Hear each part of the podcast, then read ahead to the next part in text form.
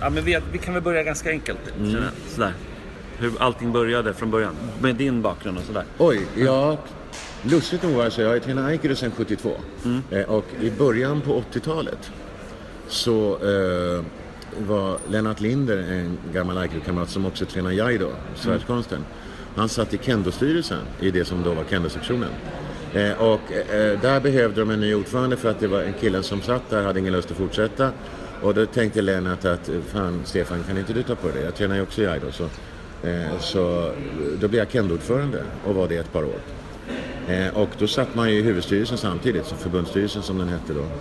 Eh, nej, den hette huvudstyrelsen då, HS hette den då, sen blev det FS.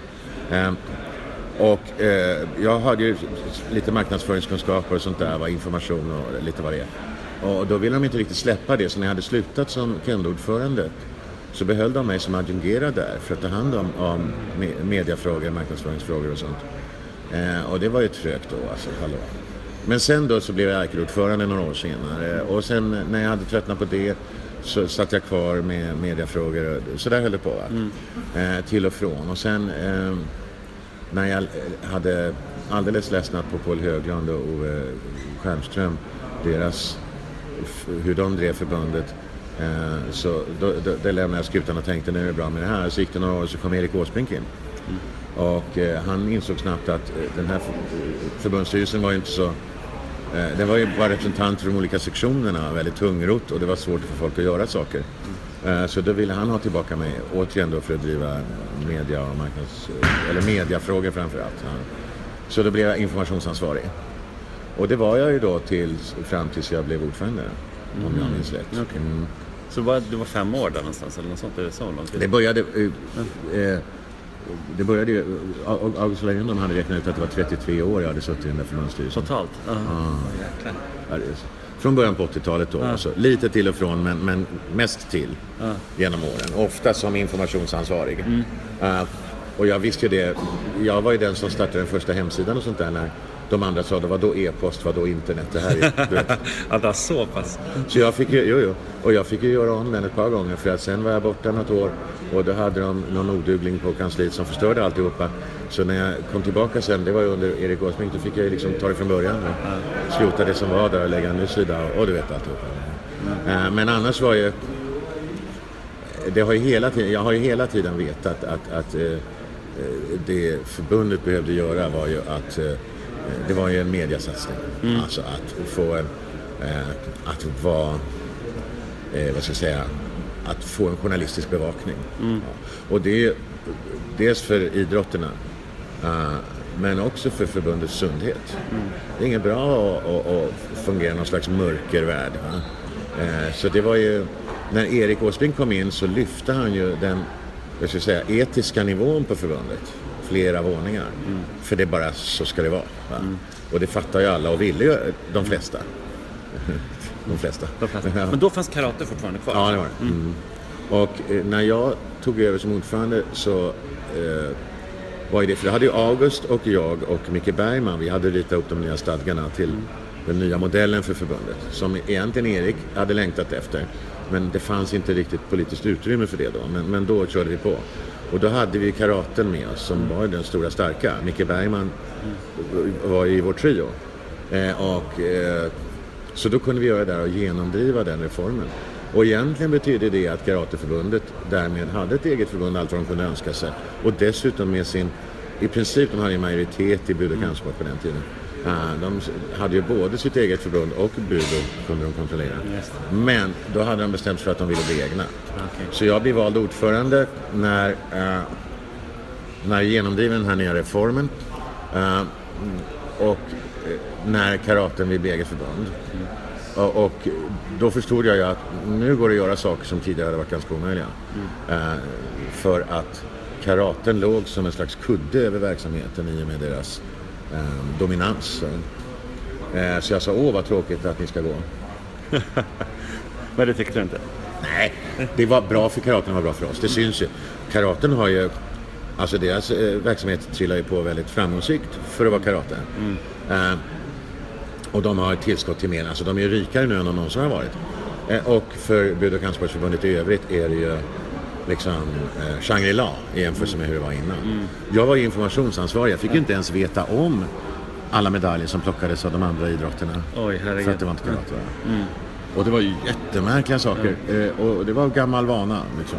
Eh, men jag begrep ju plötsligt vad som skulle vara möjligt att göra. I och med att karaten drog. Så att vi kämpade allihop under då 2009 och fram till RF-kongressen och, och så vidare. Eh, för att helhjärtat för att karaten skulle få eget. Så det var ju, men vi har ju alltid gjort, vi har haft det som princip i bud och kampsport att om någon vill bli eget och det är realistiskt så okej, fine. Fine by us. Eh, judon har gjort det, taekwondon har gjort det, karaten har gjort det. Så, eh, men i det här fallet var det ju morgonsol för bud och kampsport. Och framförallt, men där är också faktiskt, eh, eh, det hette ju Budeförbundet förut. Och eh, allt annat verkade perifert och konstigt. Och det fanns en hel del fördomar om de andra kampsporterna. Och där var det August Wallén kom in i styrelsen. Jag kommer ihåg, för mig var vändpunkten när han sa att, för att karatefolk klagade på det där med knockout och sånt.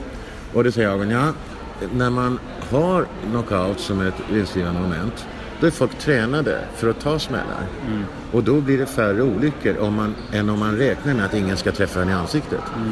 Och jag hade sett tillräckligt med karatematcher där det där hade hänt, jag visste det. Oj, de är fullständigt, jag menar de håller huvudet fel Just det. och alltihopa. Så jag kände, ja men visst för i helvete. Och då följer hela det där patrasket liksom. Alltså alla dumheterna följer bort va. Det går inte att påstå längre att det är någon slags, eh, vad heter det, skaderisk eller något sånt där. Utan Det är ju tvärtom va.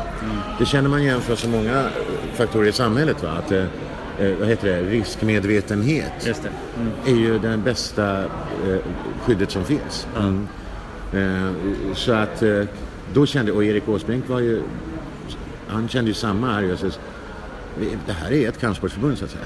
Och vi kan ju inte sitta här och säga att nej, de får inte vara med. För fick de inte vara med hos oss fick de inte vara med i RF. Nej, just det. Fanns ingen annan väg in. Nej.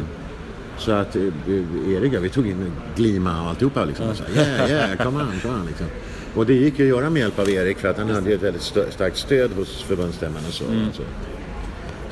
Nej, så att det blev ju... Eh, och sen var Erik smart för att när vi bestämde oss för att byta namn, då sa jag, då, jag tänkte ur marknadsföringsaspekt va, att Budo och Kampsportsförbundet, kan vi inte bara kalla oss Kampsportsförbundet? Nej, nej, sa Erik, släpp inte Budo. Det, det var ett namn vi hade jobbat in i decennier och det hade han ju rätt i. Ja.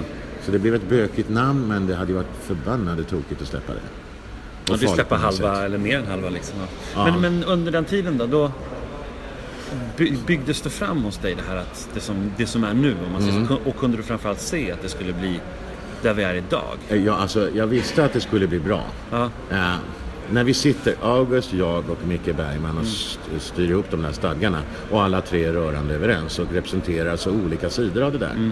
Då vet man ju att det här är ett vinnande koncept. Ja. Det här blir bra. Eh, och vi kunde göra det, vi kunde göra en fresh start va? för att, vad heter han? Daniel Pettersson som var ordförande och som hade tänkt sig en annan modell som jag såg var alldeles för konstig och krånglig och inte hade någon funktionalitet. Han, han eh, avgick ju då för att han inte ville vara den som drev igenom det här nya. Och så tänkte jag, okej, ja men det kan jag, jag har ju skrivit skiten, jag får ju ta ansvar för den. Så att då blev det jag istället då, va, som ställde upp som ordförandekandidat. Och, och då visste jag att det fanns ju en enhällighet där också. Va? Man kan ju inte ha en ordförande som egentligen är ovillig till att genomföra en reform. Alltså, Nej, nej, nej, precis. transformatorgång till det. Men då kände jag att eh, nej, vi har en vinnande modell. Men att det skulle bli så bra som det blev, det kunde jag inte gissa. Jag bara Nej. visste att det skulle bli förbannat mycket bättre. Ja, jo. Ja, Och, eh, eh, och jag tror att det hade, hade det inte blivit om karaten hade varit kvar i förbundet. Den var för stor för att det skulle vara hälsosamt för det här förbundet. Den dominerade för mycket, bara av sin storlek. Och sen hade det, det fanns en ledarskapskultur och sånt där i karaten som eh, Xavier och hela Ja, det. för att då, då tittar jag på kansliet va. Och där är ju, ser jag ju Mona. Och eh, man måste inte vara klärvoajant för att förstå att Mona är den moderna sortens chef. Alltså teamworken, Ja. stödjaren, eh, eh, solstrålen. Eh, där Javier var byråkraten. Ja. Mm. Och vet, då har du ett kansli som, som fungerar och du har en, en, en strukturell modell som fungerar. Då är det bara att rusa på. Så att, eh, nej, nej, jag kände att, eh, För jag har ju varit med så länge i det här förbundet så jag kände att här var en riktig öppning. Mm. Nej, för det, det är intressant för att jag tror att nu finns det, bok, boken finns ju, den där jubileumsboken. Ja, 50 års, ja. ja. precis, är jättebra. Men, men för, för rätt många så vet de inte vad det var som hände. Helt plötsligt så var det bara någonting nytt och så förändrades hela liksom, klimatet för kampsport forever, känns det ju som i alla fall. Så, och det är liksom, Det var kom, det kom ja. inte över en dag, förstår jag. Nej, nej, det gjorde det inte. Och det lustiga är att om man tittar på stadgarna så, där, så att det heter underförbund istället för att heta sektioner. Ja, mm. Och det tycker man, so what? Men det betydde allt i världen. För att vad vi gjorde var att vi i stadgarna fäste det att underförbunden, de är egna juridiska personer och de styr sina idrotter. Innan dess var det något konstigt mischmasch. Alla kände oro, alla sneglade misstänksamt mot varandra. Men nu var det, det var, det var en tydlighet, alltså en tydlighet i modellen som gjorde alla trygga. Va? Att nej, nej, det är en idrottsfråga, den sköter ni, er idrott. Ni sköter det, ni sköter det, ni. Och så vidare. Eh, så jag tror att eh, det var inte så oerhört stor eh, byggnaden, den byggdes inte om så enormt. Va? Men det blev tydligt liksom, mm. Eh, hur, hur, den, eh, hur den hängde ihop. Det var tydligheten tror jag. Eh, mm. Men det finns också någon sorts öpp- öppenhet nu. Ja. Som, om, man, om man jämför, jag vet inte om du har läst nu DN med boxningen och vad som har hänt i boxningsförbundet. Och, Ja, det har ju- ja. Det är liksom med manschauvinism och Ja. allt det här. Ja. Alltså det har ju aldrig... På, det var väldigt, väldigt länge sedan eh, Ja. Budoförbundet då på den tiden Ja. var anklagad för något liknande. Det, var ju, det har väl aldrig hänt så hårt. Eh, Eh, men- Nej, inte på det där sättet. Nej. Du vet, vi tränar ju tjejer och killar tillsammans och sådär. Alltså det, det finns ju ingen... Det ligger inte i sakens natur. Liksom. Det har funnits en del misogyna typer som har haft ledande positioner i, i buden. Eh, men alltså, de gör sig mest fåniga om de försöker ta fram det där. Va?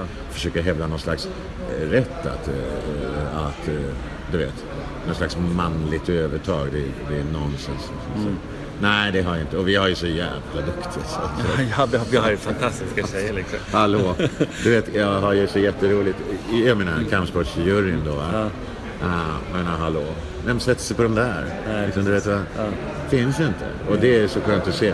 Jag tycker det är så jätteroligt. För jag tror att det här är den nya kvinnan. Liksom, va?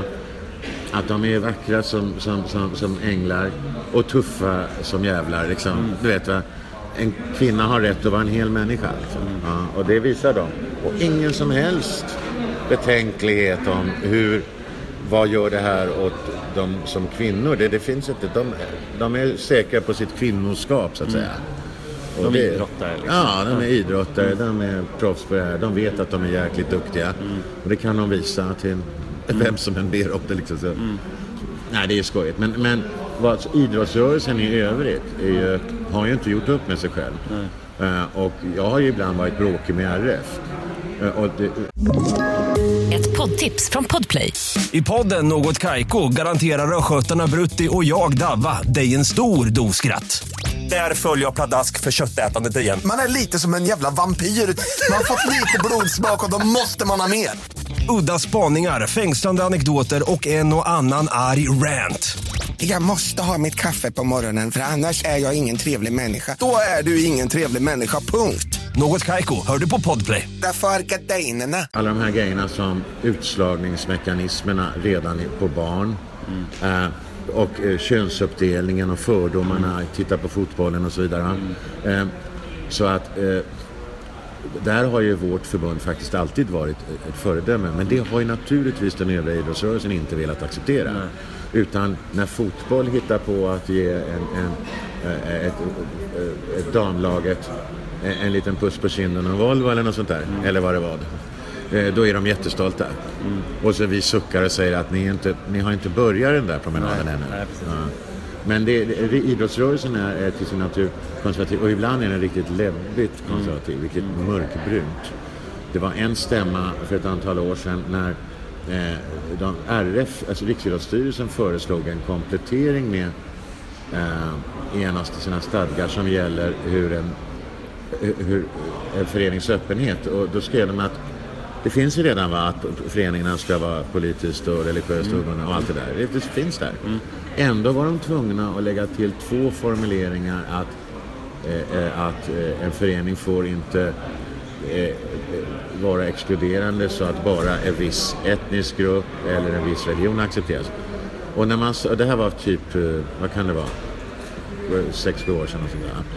När man för ihop det och Sverigedemokraterna redan har en arena då är det som att säga muslimer. va? Och, och det vill säga, vi, vi, vi tillåter inga muslimska föreningar.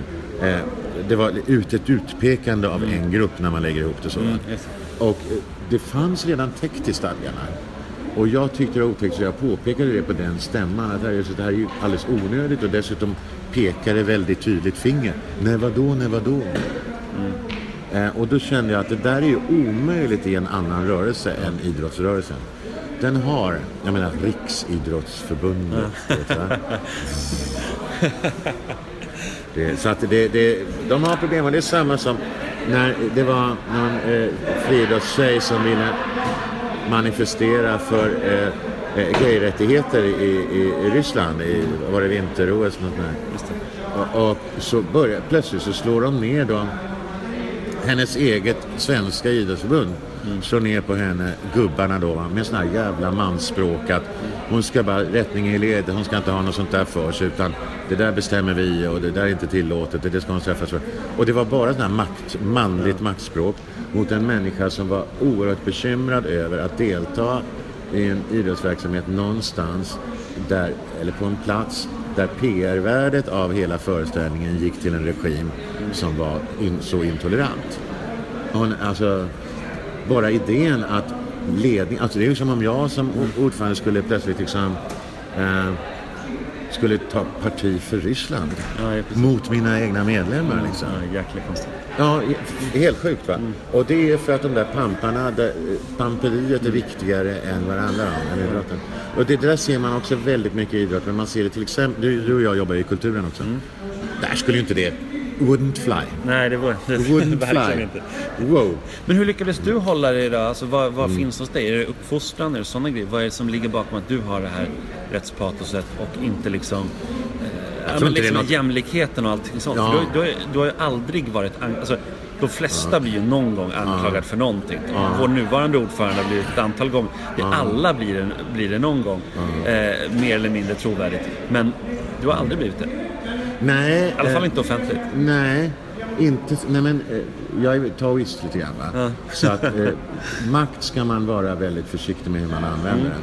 Så jag har till exempel, eh, och det är bara, jag tränar aikido, det ingår ju där liksom. Man kastar folk så att de tror att de ville kasta sig. Det ska kännas bra för alla va. No loser. Eh, och, så det där har blivit en del av mig. Så jag vet att jag kan se på mig själv ibland. Så fort jag, och ibland tar man strid för någonting. Så fort jag får lite medhåll. Då backar jag allt vad jag orkar. Så att de som ändrar synpunkt kan känna att de är med i initiativet till en ny ståndpunkt och sådär. Så det, det finns egentligen en del ganska enkla knep så att säga för att undvika onödig strid. Ehm, det, det är som det här gamla indianska liksom. Det, det, is this a good day to die? Eller är det här någonting att liksom är det här verkligen värt att, att, att, att bli oenig på? Liksom så. Men, men, så det Ja, jag vet inte. Det, det, jag märker att jag har en, en, en låt oss kalla det en taoistisk syn på... S- sen är det också att när man tittar på hur struktur, till exempel det här med Bud och kampsportsförbundet, namnbytet, vad det innebar, stadgebytet som egentligen är samma modell, bara andra namn på grejerna kan man säga. Eh, symbolvärden, vad som verkar vara perifert är egentligen centralt. Kampsportsgalan, alltså en fest en gång om året och betyder all skillnad i världen Ja, för våra möjligheter och, och ja. Men vi kan, vi kan ta det kronologiskt. Om man börjar såhär, 90-talet. Ja. Eh, då var du ju aktiv och så kom det här någonting som sen kallades MMA. Ja. Det var ju ganska jag läskigt hade då. lika då var det mycket dö- och allt Ja, ja. Hur, hur var din bild där då? Jag fick ju bara bilden indirekt via förbundsstyrelsen och sådär va. Jag hade ju inte gått på någon galakt. Nej. Utan jag tyckte bara det här verkar väldigt märkvärdigt. Jag fick ju bilden av amerikanskt våldsspektakel. Ja. Alltså precis. Eh, Det var jag som ändrade det va. s- Som eh, fick mig att inse, vänta nu Stefan, nu är du ju bra korkad. Och Så det var ju, alltså hade inte han kommit in i styrelsen så vet du sjutton hur det hade gått med det där. Eh, Eh, Och eh, alltså, om vi inte började jobba, hade jobbat med honom och det här kampen mot den här jävla lagen. Alltså eh, den där idrottsministern. Eh, Som då du, fick som vi du inte vill ta i namn. Va? Bosse, du vill inte ta, nämna honom. Gammaldags pampgrå sosse. Alltså, Ja. Precis allt det som man inte ska vara som makthavare. Va? Mm. Eh, vidrigt och personliga intressen. Liksom, han, han bekämpade an, andra idrotter än dem. Du vet, alltså helt fel. Men då fick vi kontakt med det här gänget va, och George Salfelt och så vidare. Eh, och då insåg, alltså, jag blev imponerad av de kunskaper som fanns där. Du vet, alla sorters kunskaper, politiska för den delen, men också liksom idrotten. Vilken, vilka kloka idrotter det var, alltså vilka genomtänkta idrotter sådana där saker. Men innan dess, innan jag fick den där direktkontakten med de här människorna som höll på med det, så hade jag bara sett kvällstidningsrubriker. Alltså, och, och det är så lätt att se hur man går i fällan. Ja. Eh, Så vi var i fällan, flera av oss, liksom, förstod inte eh, förstod inte att, eh, att det var fördomar. Vi såg det. Det tog en stund. Ja. Men det var mycket August då som... Ja, det var August som... Det var, det var, det var för, för oss i förbundsstyrelsen var det August som drev rev ner draperierna, fick oss att se på det på ett annat sätt. Och då hörde vi vad som låg bakom varför vi bara hade fått en bild serverad oss. Just det. Det är så va? Ja. Då, då kopplar vi ihop. Okej, och då blir man ju, blir man ju lite gramse. Eller hur? Va? Ja, men att sen blev det, det- det, blev så, det blev så kommersiellt ganska fort ändå. Det först kom, K1 blev ju jättestort i Sverige. Ja, just det. Och så. Men eh, med Eurosport och allt det här. Men, men vad, hur, hur såg ni på den utvecklingen? Eller, du kanske såg på ett sätt, men för styrelsen allmänt så här. Nej, alltså det fanns ju då det fanns ju idrotter i våra led som var väldigt avundsjuka på det där förstås. Men det var inte riktigt så att det diskuterades på det viset. Utan August suckade ju många gånger för det var ju så uppenbart att när, när karaten arrangerade SM och sånt, de visste ju inte vad de höll på med. Nej. Alltså, det, det var ju en värld emellan K1 till exempel eh, och eh, SM i budarter. Alltså, och det är ju sånt där som Jonathan kämpar med fortfarande. Liksom, att det hålls, de är ute på någon EM, någon budart och sen så hör de av sig på måndagen, tisdagen sådär om att de har tagit guld på lördagen. Ja. Och förstår inte varför inte tidningarna är fulla av det. Liksom. Nej, nej, exakt. Mm, mm. Så, att, men, men, så där var ju en professionalitet som fanns där som vi inte hade sett för för det var inga pengar i buden. Ja, det. Det var fattigt och bud och förbundet var ju så konstruerat att det svalt ut sig självt. Liksom. Ända fram tills Erik Åsbrink kom in och han förstås ju på pengar. Så att han såg till att man centralt fick resurser att anställa folk som man kunde göra jobbet och sådana där saker. Eh, Så att, men det var väldigt, och, i och med att det var så amatörmässigt så såg vi inte, alltså de, de flesta såg nog inte, alltså budarterna och sådär. Eh, Jag tror att karatens ledning aktade sig väldigt noga för att gå på en K1-gala. Eh, Och gjorde de det så, så var väl förklaringen, ja men så här, det här är så här kommersialiserat. Ja men se hur proffsigt det är. Ja, jo. Se fansen. Ja. Så att, eh, nej, också där var det nog ganska ovanande. Mm. För mig var det väldigt viktigt, det viktigaste för mig var att se att, eh, att de här nya idrotterna så att säga, de hade också budovanda som jag kallar det. Va? Den här känslan av, du vet, respekten för både eh, medspelare och motspelare om man säger sådana saker. Va? Eh, den här nyfikenheten på mer än bara en sport. Liksom. Kulturen bakom i thaiboxningen och så. Va? Eh, jag kände igen det där och så. Det är we're all the same. Vi är samma gäng liksom. Eh, och, så att det heter Bud och Kampsportsförbundet men eh, man kunde kalla allting för kampkonst om man säger så. Va? För att konsten är närvarande i alla de här idrotterna. Och när man möter med människorna på kampsportsgalan och så, alltså, men det är underbara lirare liksom. Att det, det går inte att ha några fördomar längre. då, Liksom. När Ja, man men träffar ändå när den, är så, li- den var så liten ju. På ett sätt. Mycket fans, men liten, Ja, ja, liten, liten. sport. Och sen så, så jäkla mycket skit som det ändå var. Nu pratar jag 2006, 2007 Ja, ja. där någonstans. Ja. När lagen och allting var Ja, på gång. ja. Och liksom, att stå, och då, då någonstans kändes det som att förbundet tog någon sorts ställning. Ja, för att karaten för hade MMA. blockerat. Ja, Ja. Karaten hade blockerat med sin Karate stad- gillade inte MMA, eller? Nej, nej, men det var ju konkurrens. Alltså, karatens stora identitetsproblem var ju det här. De hade i alla år påstått att de var den ruggigaste, häftigaste, mest eh, fabulösa, hemska eh, kampkonsten av alla. Liksom, va? The murderous, one ski, you're dead, bla, bla. Och det där. Och det hade de levt på ganska mycket och de krossade saker på uppvisningar och du vet. hade såna här leksaksfighter och de körde det där va. Eh, och så kommer plötsligt någonting som du vet bara Ja. Karaten blev... Då gick de i ett jättelöjligt försvarsläge. Ja, men sådär elaka är inte vi. Nej, oss får man minsann inte slå på. Och sådär. Och då tappar de ju, då hade de i decennier jobbat upp skräckryktet. Och sen fegar de ut så fort de får konkurrens med det. Så att där fanns ett väldigt motstånd. Och det, det, det de använde var den här lagen, eller regeln i stadgan om att knockout fick inte vara vinnande moment. Men någonstans fick vi, någonstans på vägen där, jag kommer inte ihåg exakt när, men det var i den där röran. Då flyttades det över till karate-sektionens egna stadgar. Va? Ja, Att de fick ha de reglerna, men det skulle fan inte vara i Budeförbundets. Så att vi blev av med den paragrafen någonstans där. Och då kunde vi få in alltihopa. Men innan dess gick det ju inte. Alltså, vi började släppa in idrotter som inte hade knockout som vinnande moment, glima och vad det hette. Va? Men thaiboxningen fick ju vänta något år till. Just för att den där paragrafen i stadgarna var i vägen. Men så fort vi fick väck den, va? och det tror jag var någon schackran, jag kommer inte ihåg riktigt hur turerna gick där. Men det var någon schackran och karaten helt enkelt bara släppte det. Alltså. Jag tror, inte, ka- jag tror inte kanske folk förstår riktigt hur det var. Ni, ni hintar ju en del i boken. Ja. Eh, men eh, det känns som att det finns ännu mer. Jag har ju hört saker. Ja, ja. Och det- det är liksom, Hur var det egentligen med karaten när de hade sån stor makt? Ja. Och hela det, var, stämmer ryktet om att de så gott som tvingade folk att komma och rösta på förbundsstämman Ja, och ja. sådana saker? Ja, Hur, ja. Berätta, om den. Ove Stjernström eh, var någon slags Machiavelli.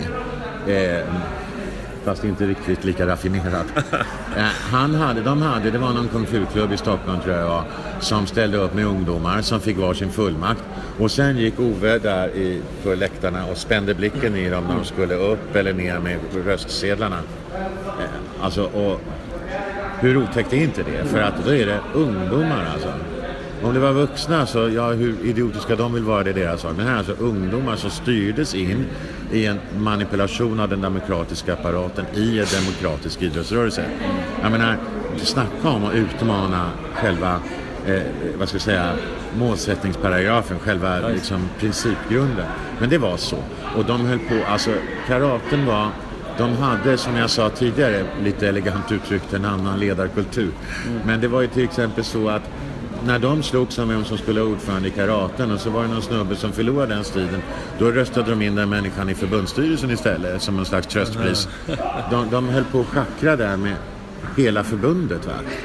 Eh, och, och bollade hit och dit mellan sig. De betraktade hela Budoförbundet, som det hette på den tiden, som sin leksak. Eh, och det var ju rätt tröttande. Och det var ju, gudskelov så hade de ju, i förbundsstyrelsen hade de inte majoritet. För det var bara några få poster som var utanför sektionsordförandeskapen. Så, och de kunde de lägga beslag på praktiskt taget allihop och gjorde ibland. Men det räckte inte för att få majoritet mot den, de övriga. Och det var ju en, om de hade föreslagit en sån stadgeändring så skulle det kräva två tredjedelar. Och det hade inge, inget årsmöte gått med på för man hade ju förstått precis varför. Ja. Och sådär, va? Men annars hade de ju fan gjort det. Och sen hade det här varit ett karateförbund. Liksom. Ja. De, de hade inte den. Paul Höglund var något bättre än Stjernström. För Paul Höglund gillade Budeförbundstanken. Att flera idrotter samverkar i ett paraply. Men Stjernström hade en syn på, på hela rörelsen, hela organisationen som bara hans spelbräde.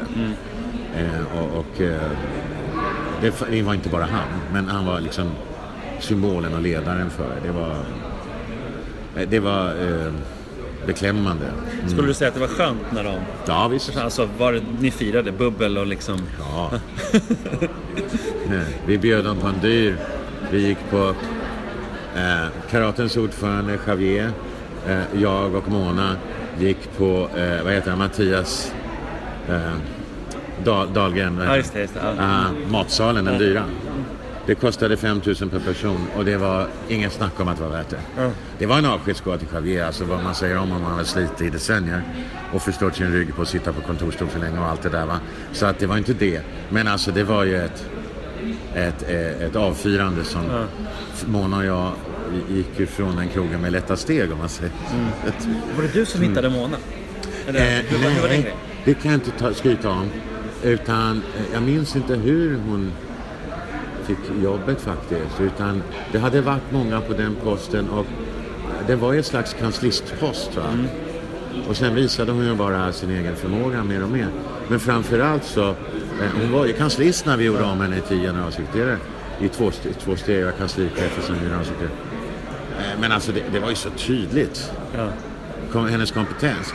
Och, alltså, och hur bra hon- var på teamwork alltså. Ja. Nej, och eh, Jonathan kan jag skryta om att ha Ja, hittat. men Jonathan kan vi skryta om. Ja. Men, Berätta- berätta men även Magnus eh, var det faktiskt eh, Micke, Micke Söderqvist. Ja. Eh, eh, Kyokushin-killen. Han är ju lärare va? Så att när vi behövde någon som i första hand skulle handla om utbildning och sånt, då var ju Micke Söderqvist som hjälpte till med urvalet. Men vad som gjorde att vi fick tillgång till de här människorna var ju att innan Erik Åsbrink kom in så var det inga an, an, allmänna antagnings, an, ansökningsförfaranden. Utan man gav det till kompis, jobben till kompisar hit och dit och här och där. Va? Så att Erik såg ju till att det blev ordning och reda med det. Så vi hade, gick igenom en massa ansökningar på varje post och sånt där. Och, och, eh, men det var ju inte, blev ju inte Jonathan omedelbart. Vi hade ju Maria Fischer innan. Men eh, när jag tog över som ordförande och Jonathan dök upp. Du vet, jag berättade det att, att eh, jag hade alltid vetat att det här måste framförallt vara en, en, en media-grej. Alltså, kommer, slår igenom i media. Det var därför jag satsade allt jag orkade så tidigt som möjligt på hemsidan. För att Just det det. är ett billigt sätt att, att etablera media. Eh, men när vi fick Jonathan då, då visste jag ju liksom att okej, nu, nu går det att göra det här. Jonathan var ju på Djurgården då och du träffade honom och liksom... Han sökte han, jobbet. han har ju själv berättat flera gånger om ja. hur det var. Men ändå att han, var ju, han tänkte ju kanske inte ta det först och sen när han träffade dig och förstod ja. att det var liksom... Att det gick att göra ja. att, att det Ja. gick att göra Ja. och vad, vad, vilken vidd det här skulle kunna bli, vilken Ja, storlek det skulle kunna bli. Jag tror också att han förstod ju med en gång att karaten var på väg bort. Ja, okej. Eh, för att det var väl, alltså han hade ju inte haft tålamod med den där byråkratin och de där dumheterna länge. Utan vi fann varandra. Och, och, och han, alltså Jonathan Broberg, jag menar hallå. Vi, vi sitter, vi tar, och jag körde ju den stilen, i synnerhet i början som ordförande. Att ingenting är billigare än att skämma bort folk med en dyr måltid. Okej. För då får man dem att jobba järnet och det Ja. kostar ingenting va? Nej. Så vi var på F12, Jonathan och jag, på en lunch. Eh, eh, för att, när jag skulle meddela om att vi, han fick jobbet och lalala. Och eh, då sitter vi där och pratar om det här. Då lägger vi mediastrategin som vi sen har följt. Alltså du vet så här på ett lunchsamtal. Och han kör den här, hittar på den här pay-off-linen. Rätt ur bakhuvudet så här. Eh, tävling, träning, tradition. Lysande. Och sen ändå efter, du vet, det är, bara det är några hundratusen. det är värt några årslöner. Och sen så säger han, räknar han med att han ska vara med och pynta lunchen. Jag sa till honom, nej, not gonna happen. Hallå. Jag tycker det var så tjusigt va. Det är en idrottare liksom. Ja. Det, det han är från rörelsen liksom. Just det. Ja. Ja. Så att, nej, så sen var det ju bara... Och vi båda blev bara överraskade över hur fort det gick. Alltså mycket fortare än vi hade vågat och, och, och tänka oss. Men så att det, man fick ju det där, man fick det där teamet. Man fick ledigheten i och med att karaten försvann. Vi hade den nya stadiekonstruktionen. Men sen också, jag menar när det gäller mediasatsningen så ja, man får inte glömma att det är jävligt lätt att få media att lyssna när, man, eh, när det är så många medaljer. Jo men så är det ju. Men det finns ju andra som har medaljer som inte får det. Jag menar, Ja. det, som taekwondo, det finns alla möjliga Ja, ja. som, som nu hör av sig till Jonathan och undrar hur, hur har ni gjort? Och liksom, folk har kommit till mig massa gånger och velat ha min expertis och allt det. Men, men det är ju... De måste prioritera annorlunda. Ja. För att de är sådär, det är som jag sa, de där budomänniskorna som eh, åker hem från sitt EM eller VM Ja. och sen måndag, tisdag någonstans talar om om vad som hände. Jag menar hallå. Ja, ni måste ju fatta det här. Eh, och eh, man måste prioritera om så att, att eh, man måste redan före och under ha den här mediaförståelsen och begripa lite med deadlines och, och pressläggningstider och sånt där. Ja, Alltså, ja, ja. Hallå, hallå. Och framförallt när man har ju... En del kör ju sånt där och det sa jag bara att det är... Alltså Jonathan, strunt i dem som liksom säger i efterhand varför har ni inte skrivit om det? Vi visste inte om det säger Jonathan. Då säger de men vi har skrivit om det på vår hemsida. Ska han gå runt på 22-23 idrotters hemsidor och leta efter om det händer något? nej, det går inte. I så fall, adjö. Alltså, jag var ju benhård med det. Att, att det här måste ju, jag menar, vi tog på oss en uppgift som var gargantuansk, va? alldeles för stor. Och då kan man inte ha folk och, och sådana där bromsklossar kan man inte ha. Så jag sa det till Jonathan, är det så de håller på, då får de lära sig den hårda vägen. Då blir det ingenting skrivet om dem tills de ändrar och faktiskt meddelar oss så att vi kan göra någonting. Eh, Så att, och där, där är det ju viktigt att ligga bakom som ordförande och känna att man har en styrelse som och känner detsamma. Att man, eh, och det är också samma sak, ja, det behöver jag inte berätta för dig, va? Allting är inte nyheter. Nej. Och om man gödslar redaktionerna med för mycket skräp, då slutar de ju lyssna. Vi måste ha modet att göra ett urval. Och karatens urval var ju karate. Just det. Eh, Men det flyger inte jag. Utan nu, ja men så när man sitter i juryn och ska välja mellan VM-guld liksom. Kolla hur svårt var det där guldet att ta? Du vet, hallå? Ja, Eh, och så kommer karaten och har nästan chans på brons i någon så här. Det kan man inte. Så att det... Men det är ju någonstans, det är också strategier och det är allt möjligt. Det är inte bara så att säga att de som får medalj. Det, Nej, nej, nej, det är många medaljer, för medaljer fanns ju förut också. Ja, jo, jo. Men jag menar nå- någonstans att det blev... För det var en sån... Allting kom liksom... Ja. Jag tror att i alla fall i historieboken så kommer det så att, så att Kampsportsförbundet, eller Budo Kampsportsförbundet, Svenska Budo Kampsportsförbundet, reformerades. Stefan, var, Stefan Stenlund reformerade förbundet. Och det är ju ganska härlig bild antar jag, nu för dig att känna. Men Men det var inte bara jag. men det va? var ju inte bara du va? och, det var inte, och det var inte heller över en natt. För det känns för väldigt många, väldigt många jag pratar med, eh, berättat om den här intervjun också, som sagt så här, ja men Stefan gjorde det över en natt liksom. Nej, nej. Det var, det här var ju, han, han, han använde MMA och så, så Al-Bass fanns kring MMA och sen så, så gjordes det över en natt liksom. Eh, till exempel, mediastrategin var i princip så här. Eh, media skrev inte om oss. Så att vi låtsas att vi är media och skriver om oss så att media börjar skriva om oss. Och det var min tanke från början när jag började med hemsidan. Det var min tanke redan innan dess. Vi gjorde Kaj och liksom, vi gjorde lite tidskrifter vad vi höll på. Vi behandlade oss som nyheter. Det är det enda sättet att lära pressen att göra detsamma. Ja. Eh, eh, och sen är det bara, alltså internet var en välsignelse för oss. Ja. Ja, för hela kampsporten. För att då var vi inte längre beroende av vad DN tyckte om våra idrotter. Men redan innan det så var, så den strategin hade jag klar för mig redan way back in the day. Att så här gör vi. Och så fort det där med internet blev spelbart så begrep jag vad det betyder. Så hemsidan, jag la upp hemsidan och förstod att in, innan någon annan hade sagt det så sa jag en hemsida är som en tidning. Första sidan är första sidan på DN eller Aftonbladet. Där är puffrarna. Och så är det nyheter, nyheter, nyheter. Inte någon jävla byråkratisk lista på länkar. Utan här ska det smashas upp nyheter. Och eh, det, då får man nyhetsredaktionerna snokar alltid efter nyheter och de vill gärna hitta dem på en förbundssajt för då, då kan de låtsas att de har kommit på nyheten själva. Ja. Istället för att hitta den på en annan nyhetssajt. Va? De vill inte hitta, Aftonbladet vill inte hitta det i Expressen. Liksom. Det kan ha hänt att jag har gjort det någon gång också. Ja, jo, men, jo, men eller hur? Va? Men det är klart det är Det är så. så det, Det är funkar. självklart och, är det och så, så. Det liksom. var ju, och jag, kommer ju själv, jag har ju själv jobbat i pressen, jag vet ju liksom. Ja. Så att det där hade jag klart för mig redan på 80-talet. Och sen var det bara det att man får bida sin tid va, för att jag hade inte tid att, att hålla på och uppdatera vår hemsida ideellt liksom dagligen. Det gick ju inte, utan då fick man förlita sig på att det skulle fungera på kansliet. Och det gick si och så och hit och dit. Va? Eh, men jag visste jag, hur man skulle göra det. Och jag visste vad som behövdes. Och när jag hade det, alltså de pusselbitar som behövdes, när alla pusselbitarna satt där, då var det att tåga. Och det är då folk känner att oj, det händer nu. Nej, nej. Det. Det. var nu jag fick ihop pusselbitarna. Det var nu allting stämde så att det gick att köra järnet. Va? Men, men alltså, problemet var ju samma hela tiden. Ja. Mm. Ja, intressant. Men, men Kampsportsgalan då? Eller Idrottsgalan, börja där. Men, nej, men, ja. Med idrotts... vad tycker du om, idrotts... Men vad alltså tycker det- om Idrottsgalan och hela... Ja, alltså det Alla dessa galor. men det är ju den här idrottsrörelsens konservatism. Va? Och där är det ju inte idrottare som är så konservativa utan det är den här idrotts... Eh, nomenklatura, alltså administrationen, pamparna i idrottsrörelsen är jävligt konservativa. RF har varit väldigt konservativa. De har bättrat sig.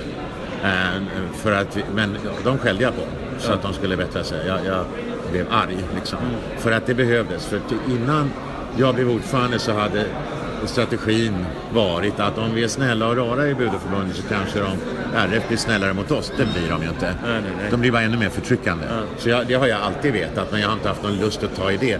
För att eh, av någon underlig orsak så har Budoförbundsordföranden och sådana där tyckt att det var så märkvärdigt att gå på RF-stämmor. Så de har tävlat om att få det uppdraget och jag har sagt gör det ni. För det finns inget tråkigare. Men när jag blev ordförande då var det bara att ta den bollen. Och första stämman då skulle vi få karaten och få eget förbund, så då fick jag ju vara snäll. Men så fort den saken var ordnad, då jävlar. Så brakade jag loss som liksom, så här tordön. Och morra och hota och skällde och klagade. Och det gjorde jag bara av det skälet att signalera att det här var ett kursbyte. If you fuck with us. Ja, och eh, då blev det, då backade de upp och insåg liksom att det här, så att de gjorde närmanden och försökte vara positiva. Och då, när det började komma så är det klart att då liksom, ah, nu var jag solsken och, och det var väldigt överraskad av. Men vänta, det kom någonstans ifrån den här frågan. Eh, Idrottsförbund, eller Ja, Idrottsgalan. Idrottsgalan. Ja. Den var ju en liten nisch för sig själv. Ja. Och höll på på det där gamla sättet. Eh, Men så började vi skälla på dem, det kommer du ihåg? Och det är klart, det är ingen hemlighet, det förstår man ju. Strategin var, det var inte, det är kul att skälla på dem, de är idioter. Aldrig någonsin någon kampsportare som, du vet, hallå.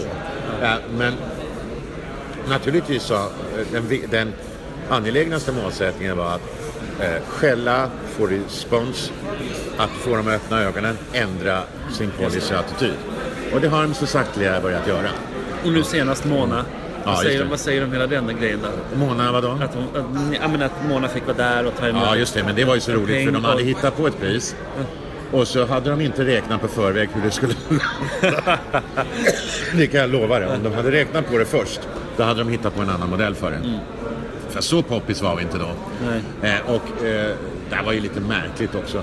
För att eh, de ville ha mig och jag eh, och försökte någon revspel och lura mig och tro att Mona inte ville ställa upp. Jaha. Men så pratade jag naturligtvis med Mona. Jo, men jag hade ju, hon, jag hade ju sagt det. Ja, men då så. Så att då var det bara, då blev, då blev det Mona. Och då försökte de, så här, rätt TV. De försökte sådana maktspråk, men hallå. Vad ska de göra? Nej. Jag kommer inte säga. Det, är Mona eller ingen. Ja, det blev det Mona. Ja, först sa de till mig, ja, vi får se hur det där går. Vi får se. hur- Äh, sluta, jag har varit med ett tag. Ja. Vad ska ni göra? Hålla den där checken i luften liksom. Eh, vad säger Tipstjänst om det eller vad fan de heter, Ja. Svenska Spel. Svenska Spel. Men de hade inte räknat på förväg. Vi får se vad som händer nästa gång, vad det är för beräkningsgrund på det. Om den där priset återkommer så ska det bli intressant att se om de har ändrat beräkningsgrunden eller om de kör samma beräkning. Idrottsgalan är... Oj, är det, är det okej? Ja.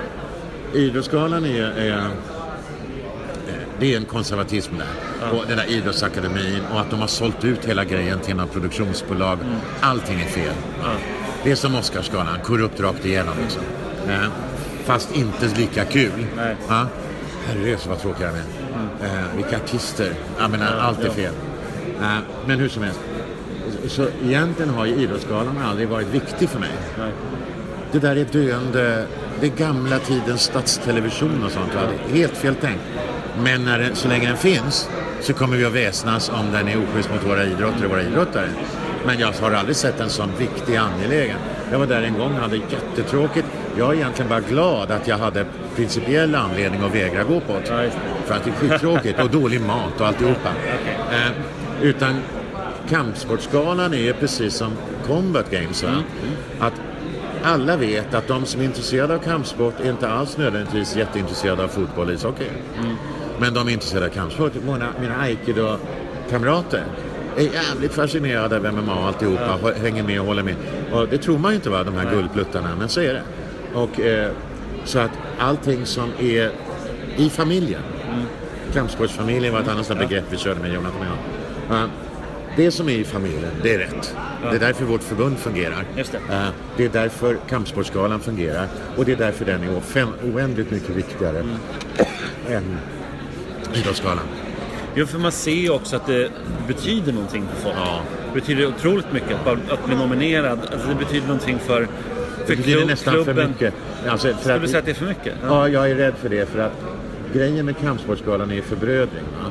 Inte tävling. Nej. Alltså, och sen är det ett tävlingsresultat som leder till naturligtvis till... Men just de där nomineringarna och priserna. Om, de, om det blir för mycket tävling om dem, om det blir för, för viktigt och desperat om det. Då försvinner den där gemenskapen. Då, då är det risk för avund och vet, sådana saker. Va? Ja. Bitterhet och det. Så att... Eh, Eh, ja, när jag, nu är jag inte ordförande längre, men när jag var ordförande försökte jag alltid se till att det fanns en slags amatörmässighet över också. Va? Att det skulle inte vara aldrig i livet tv-sänt med fyra sekunders klockningar och sånt där va. För att då dör det. Då är det inte, handlar det inte om idrottarna längre. Utan här handlar det om idrottare och mänsklighet. Och när man går upp på scenen ska man få vara lite full och göra bort sig och sådär va. Det här är på skoj framför allt. Det är inte en tävling. Äh, utan det är skoj och det är i familjen. Mm. Så att det, det finns ett hotbild när det är för viktigt. Jag tror man behöver ha små försiktiga motåtgärder så att inte själva nomineringarna och vinnarna, att inte det blir för viktigt alltså, Ja, märkligt nog. Ja. Eh, Det, är, det är hela grejen som är grejen. Mm. Men det var inte, det, var, Jonathan och jag, det var inte vår idé. Nej. Det var ju eh, Douglas Ros. Ja. Vi sitter där och snackar om hur vi ska samarbeta lite hit och dit. Eller det där. Han är en kul kille, en sån här fräsig eh, entreprenör. Så vi liksom bara testar olika prylar och han hade sin nyhetssajt på gång. och det. Och så säger han, han kanske skulle ha någon sån här kampsportsgala. Då, då, Jonathan och jag, vi sneglar på varandra. Där var det. Du vet, vi, vi omedelbart så det. Och ändå var det så va, att vi skulle ju fira i mars, vi var tvungna att göra det red, redan till nästa år för att då skulle vi fira 50 och det betydde att eh, vi skulle få loss pengar. Ingen i styrelsen skulle bråka om en stor gala när vi fyllde 50. Men kanske om vi fyllde 51 liksom. Vad. Så att vitsen med en sån där att det är dyrt. Det kostade en, eh, tre, någonstans mellan 300 och 500 000 vilket är ingenting. Nej. Men det vet ju inte bud och förbundsmänniskor. De tycker just vad fan är en enda kväll och dela ut lite priser. Kostar 400 000, vad är det här? Så vi hade ju den turen att vi kunde skylla på 50-årsjubileet som om det bara skulle hända en gång. Det. Men Jonathan och jag, ja men hallå. Vi visste ju precis vad det här var. Liksom. Det, här var eh, det här var manifestationen vi behövde. Vi hade hemsidan, vi hade den metodiska bearbetningen. Vi behövde the event och här var the event. va. Och sen så såg vi till, och särskilt i början, va? då var det liksom eh, Dolph var där och Stefan Sauk och, och eh, vi hade liksom piffiga, raffiga artister alltså. Inte ettorna, inte några jävla idolartister. Utan riktiga artister i det där sköna mellanskiktet där de har individualitet och sånt. Va? Så, och vi hade liksom eh, jag skrev manus för de första Okej. galorna. Eh, men grejen var, det fanns vissa svaghetsmoment va. Om Oscarsgalan, då skulle man stå och tacka. Och det där är skittråkigt. Så att då gjorde vi intervju istället. Och sådana saker. Så att man, folk på galan skulle få en bild av varje idrottare som går upp och tar ett pris är en intressant människa. Det. det finns en massa bakom.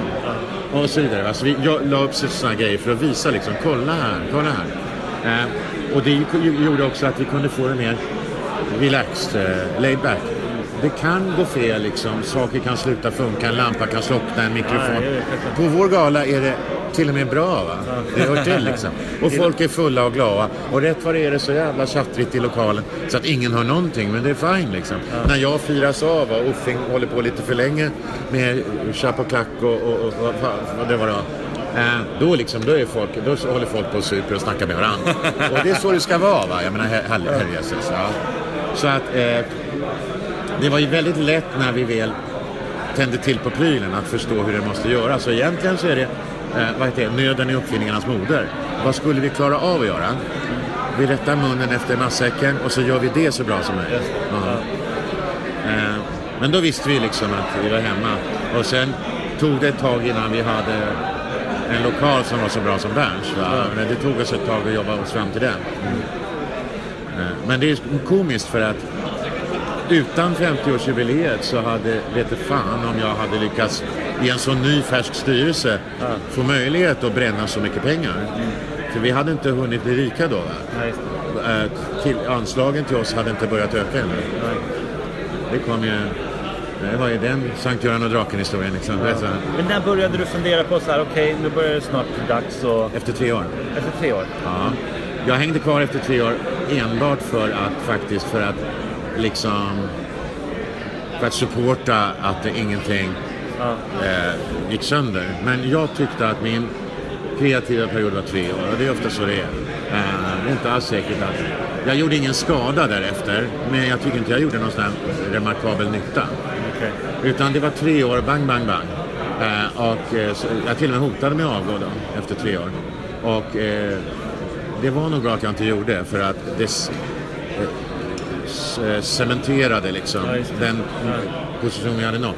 Men, men det var egentligen allt jag, av värde jag gjorde kan man säga. Så, Men den, på lördagen där blev du avtackad. ja, Och sen på, eh, på måndagen, Ja. när du gick upp, jag vet inte, du släntrar väl upp ibland sent, men när du i alla fall till slut gick upp där på den här måndagen, ja. hur kändes det? Så många, alltså det är det större del av ditt liv. Ja, jag vet, Har du ändå 33 varit, år. Ja, Ja. Har du varit inne, är ju mer än hälften, alltså har du varit inne i det här svängen, du är kvar fortfarande på ett sätt, men just i förbundet och så, alltså vad, hur kändes det då? Alltså, det, jag skulle ju... Är du jag, nu? satsa, no, ja, jag satsade ju på att skriva. Ja. Det tog mig några månader innan jag kom igång med det. Ja. Och det var inte det att jag satt där och gör de det rätt nu ska jag, hur fan, vad kommer hända nu? Det var inte alls det. Utan det var bara det att min hjärna behövde bygga om sig.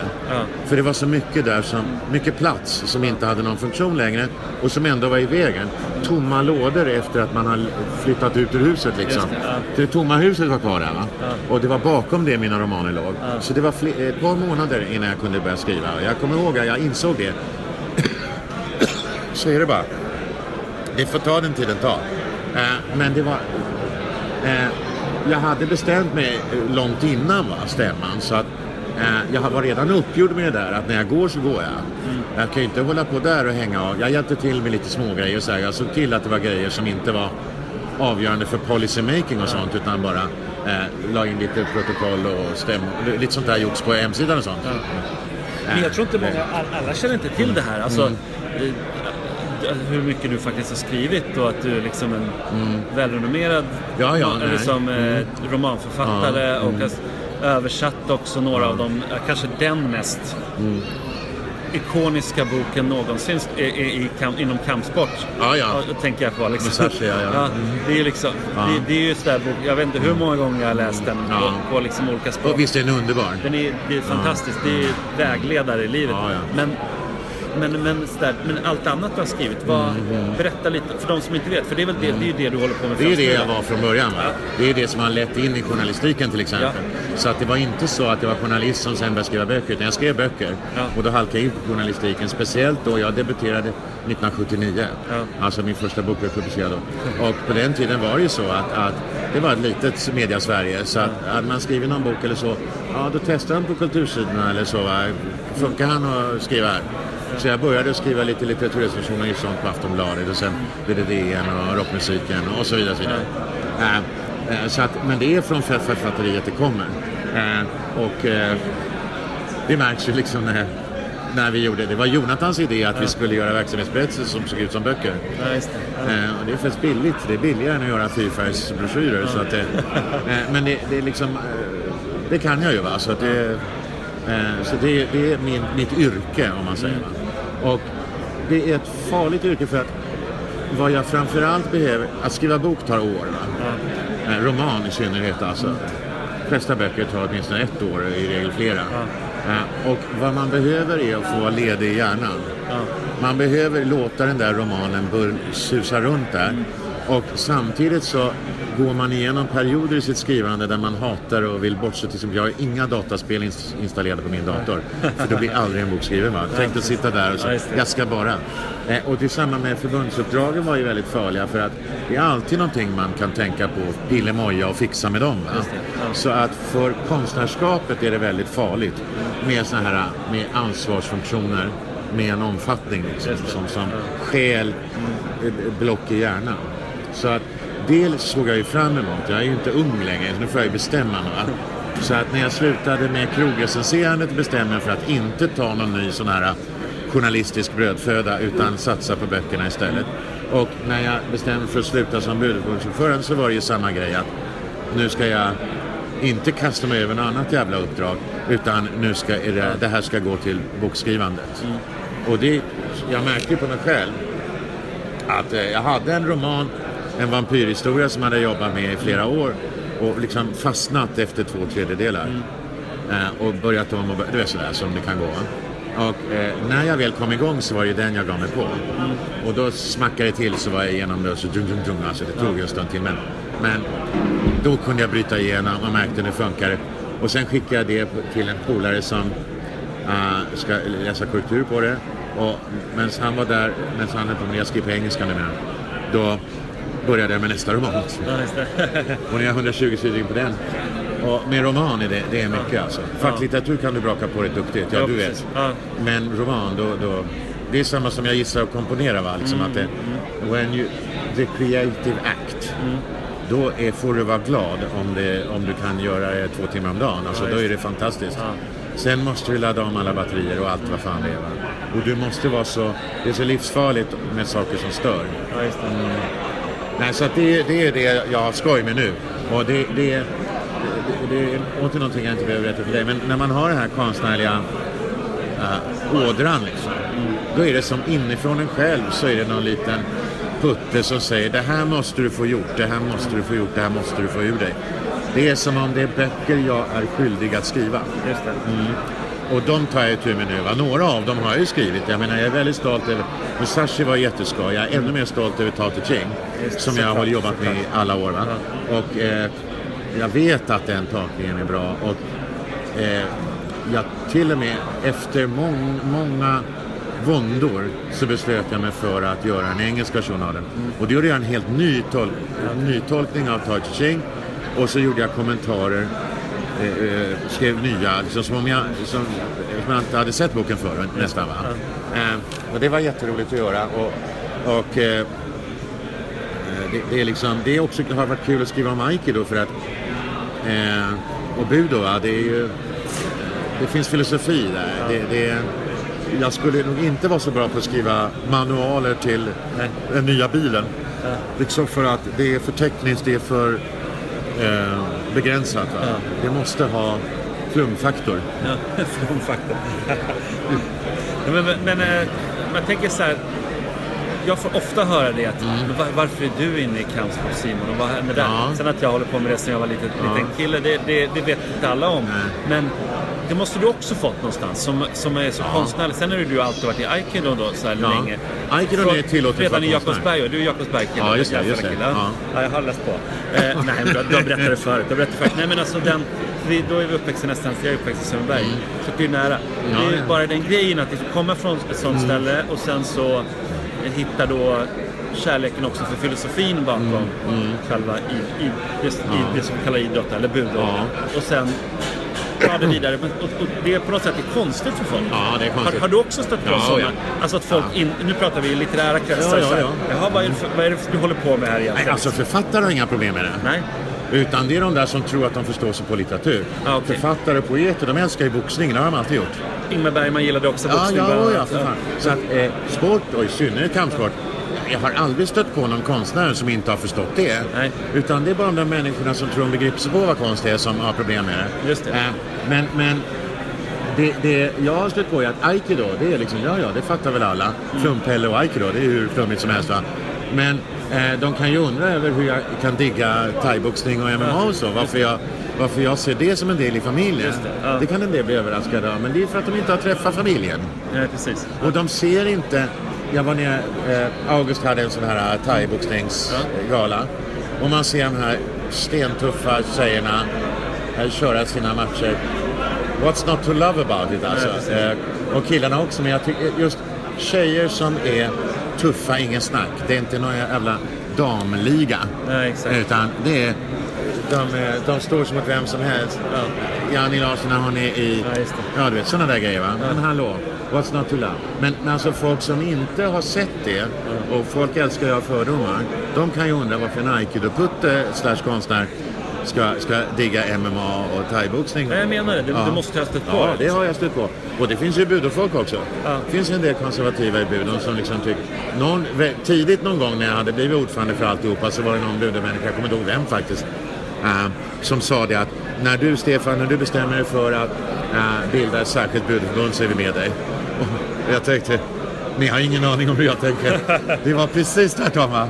Men jag började ju en budoklubb.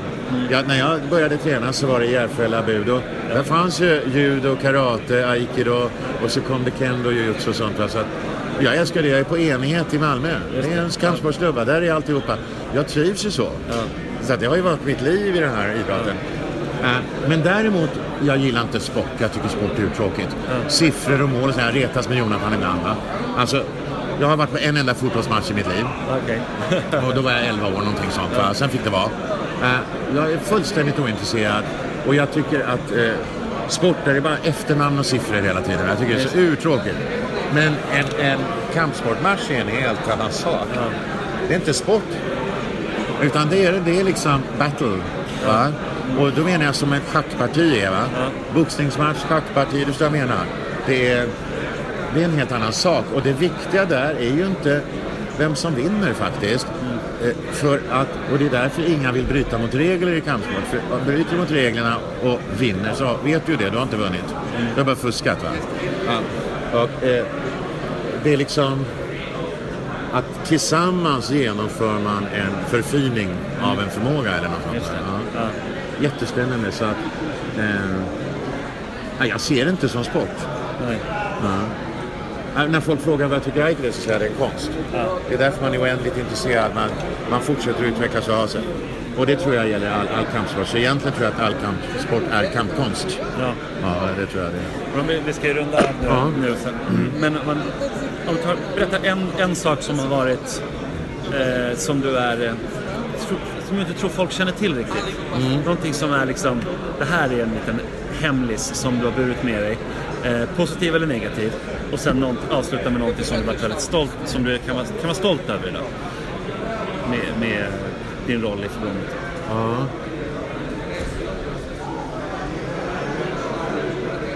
Hemlis vet jag, jag kommer inte på något sånt där som ska vara... Eh, jo, eh, egentligen är det så här att eh, jag tycker om att leva olika liv. Ja. Så jag tycker om att författaren Stenudd är något annat än budordföranden Stenudd. Va? Så jag har ju bidragit till böcker och sånt men det har aldrig varit min idé. Nej. Det var inte 50-årsboken heller. Det var Erik Åsbrink och de som kläckte det. Okej, så. Uh, uh, men, men för jag, jag har alltid gillat liksom att ha, leva olika liv. Men ett räcker inte åt mig, jag är en girig typ. Så det är väl någon slags hemlighet och därför har jag roligt åt de som tror de tror, folk tror att är man bra på någonting så tror de att man älskar att göra det. Jag hatar sammanträden. Alla som har suttit i styrelsen med mig vet nog det. Jag vill gå och röka. Va? Sådana där saker. Eh, de här så skulle vi ha uppvisning och så hade de tänkt sig att jag skulle vara konferencier under upp- uppvisningen. Och då sa jag till Leif Sonja, ordföranden, att snälla hjälp mig ur det där. Jag, jag, han tycker inte heller om sånt. Folk tror liksom att det är det som får en att tycka. Och så, hemligheten, jag har olika liv. Det betyder ju att Eh, när jag säger upp mig från ordförandeskapet i Budförbundet så blir det ju inte tomt precis. jag får inte vakuum. Utan det är tvärtom. Det fylls boom med något annat Aj, som jag har längtat efter länge. Så det är, väl, det är väl den grejen. Det är väl hemligheten om vad som driver mig. Ja, där som många missförstår. Eh, sen så sa du också vad jag är stoltast över. Eh, jag är stolt, det här är jag stoltast över och faktiskt var August sa det om mig när vi grälade. Så sa han detta att han hade alltid sett att jag inte hade någon egen dagordning. Alltså jag var inte ute efter någonting för egen del. Och det känns jäkligt bra. Det kostar va. Eh, för att eh, ibland undrar man, man får se upp så man inte börjar jobba för andras egna vinningar. Just det. Där, va? Men alltså jag är väldigt stolt över att jag genom alltihopa aldrig har gjort det för egen vinning. Min privata dagordning har aldrig liksom varit på första plats eller ens styrt något beslut. Liksom. Men det, det, är- det, är- det är jag stolt över. Och jag har sett att det är sällsynt. Mm. Dummare är jag inte. Jag ser att det är sällsynt och då är jag stolt över att jag har fortsatt att vara sån genom alltihopa. Eh, Och det gäller ju också när man går liksom så. eh, då måste man också vara... Man får gå på ett sånt sätt så att man inte ställer till det för alla. Va? Så att det var ju... Låt oss säga så här, det var vissa justeringar i styrelsen som behövde göras innan jag kunde avgå. Eh, eh, Men, men sen också så ska man gå. Man ska inte sitta där och kräva att man ska ha någon slags hedersordförandeskap och så här, lägga sig i och du vet. Nu är det nästa gäng. Så. Eh, för att det ska rulla. Nej men det var väl Ja, men det är, fattar, det är väldigt intressant. Ja. Det känns som att där, där, där är väl kanske hemligheten också lite i att Mm. du har kunnat vara så fläckfri Ja. För det, folk har ju letat skit. Alltså, Ja, ja, det, det är verkligen, för det var ju en tid då det var kul att försöka hitta, Jo, jo. alltså sådär, där, det var ju lite kanske eh, med, med kärlek säger jag, lite låtsasjournalister som, som satt på många av de olika Ja, sajterna och sånt och försökte liksom leta mycket. Ja, ja. Och då, då inkluderar jag mig själv där. Och så här, lite grann leta. Här, det måste finnas någonting om den här jäkeln. Och så Va- va- letade vad får han ut av det? Eller hur? Ja, det var, Exakt, ja, men det var exakt Ja, ja. så. Och det var liksom, och det, här finns... Och så, för att placera folk i fack. Ja, nej, men den här har ju den här klubben, den här har det här märket, den här har det. Mm, ja, ja. vad fan har Stefan? Ja, just och det. det var ju liksom... Eh, Ja, det var inte mycket där inte. det fanns ju inte, vi Nej, hittade ju ingenting. nej, nej. Så det var ju liksom Ja. okej, men då är det nog rätt person på rätt plats. Liksom. Ja, just det. Men det... Men, Det- men, ja. men, ja. Under den här, förmodligen är det så, alltså, det får jag bjuda mig själv på, att under det här övergångsskedet till det nya förbundet som vi har skapat de här senaste åren, för det har vi gjort tillsammans, så var det viktigt med en sån som jag, en som inte hade en egen agenda bakom det, utan som gjorde det för förbundets skull. Och som alla kunde se det, hur mycket de än rotade, han gör inte för sin egen skull. Han har ing, det är ingen bakomliggande lur han har för sig, helt plötsligt så har han tagit copyright på alltihopa eller någonting, utan det, this is what it is. Det, ja. Och det behövdes nog. Annars hade den, den här övergångsfasen blivit skämd. Mm. Och då hade alla fortsatt att vara nojiga mot varandra. Va? Ja, ja det, det, det är nog sant. Ja, ja det ser man. Följer du lite, följer du styrelsen nu? Lite vad de gör och så? Nej, nej, det gör jag inte alls. Nej, det skulle vara farligt. Alltså, eh, då och då ringer någon och frågar till råds om någonting som inte har med deras policy och styrelseverksamhet att göra, utan kan vara en formulering eller bara vill ventilera. Men, eh, nej, för att, och det var därför jag absolut inte kunde vara någon knytas på ett fast sätt till... Nej, nej, nej. För, för då har jag inte släppt va, då blir inte mitt hus ledigt. Exakt, exakt. Då blir det bara tokigheter. Och, eh, och det har jag lärt mig för att man måste, även om man tycker att nej, men nu är de ju idioter, man måste låta dem vara idioter för att de, de som är valda nu, de som har jobbet ska få göra jobbet. Så att nej, nej. Utan nu är jag en glad Jöns BV, det är samma i Ikeron. Jag, jag sitter i graderingskommittén, men that's it. Och det är jättekul att se Leif Sunje plågas. Och, det är så här. och sen är ju inte han dum, så han sätter mig vid honnörsbordet för att japanska ambassadören var där. Då vet han, kulturputte, han kan prata med ambassadörer. Ja, just det, just det. De vet inte mycket om buden men de kan kultur och så. Och sen så kör de där grejerna, berättar liksom att jag har gjort det i DN och det. Mm. Oh, oh, och författare. Oh. Och då blir ambassadören glad, då får han liksom, ja du vet hur det där funkar. Ja, ja, ja. Så att det är klart man får ju delta i, Jonathan och jag brukar skoja om det, liksom, man får ju hora lite Ja, jo. för, för förbundet va. Så det gör man ju, men det är så jätteskönt att bara sen åka hem och så är jag hemma liksom. Ja. Ja, vi måste väl runda Ja, vi ska- Ja, men vad grymt, vad kul. Ett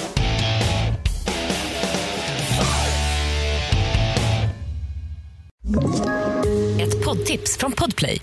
I podden Något Kaiko garanterar östgötarna Brutti och jag, Davva, dig en stor dos skratt. Där följer jag pladask för köttätandet igen. Man är lite som en jävla vampyr. Man har fått lite blodsmak och då måste man ha mer. Udda spaningar, fängslande anekdoter och en och annan arg rant. Jag måste ha mitt kaffe på morgonen för annars är jag ingen trevlig människa. Då är du ingen trevlig människa, punkt. Något Kaiko, hör du på Podplay. Därför är gardinerna.